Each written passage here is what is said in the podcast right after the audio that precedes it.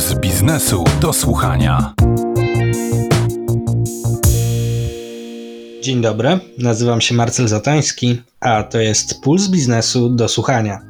Ej, czemu tyle to kosztuje? Takie pytanie kilka tygodni temu zadała mi redakcyjna koleżanka tuż po wizycie w gabinecie dentystycznym.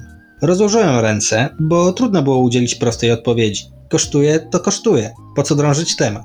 Postanowiłem jednak trochę podrążyć i owocem tego drążenia jest dzisiejszy podcast dotyczący sytuacji w branży stomatologicznej w Polsce.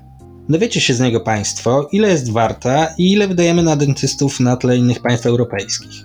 Usłyszycie również, kto w stomatologię inwestuje i dlaczego, a także jak dentyści przeszli przez pandemię i co zmienia się w ich działalności wraz z rozwojem technologii i wiedzy medycznej.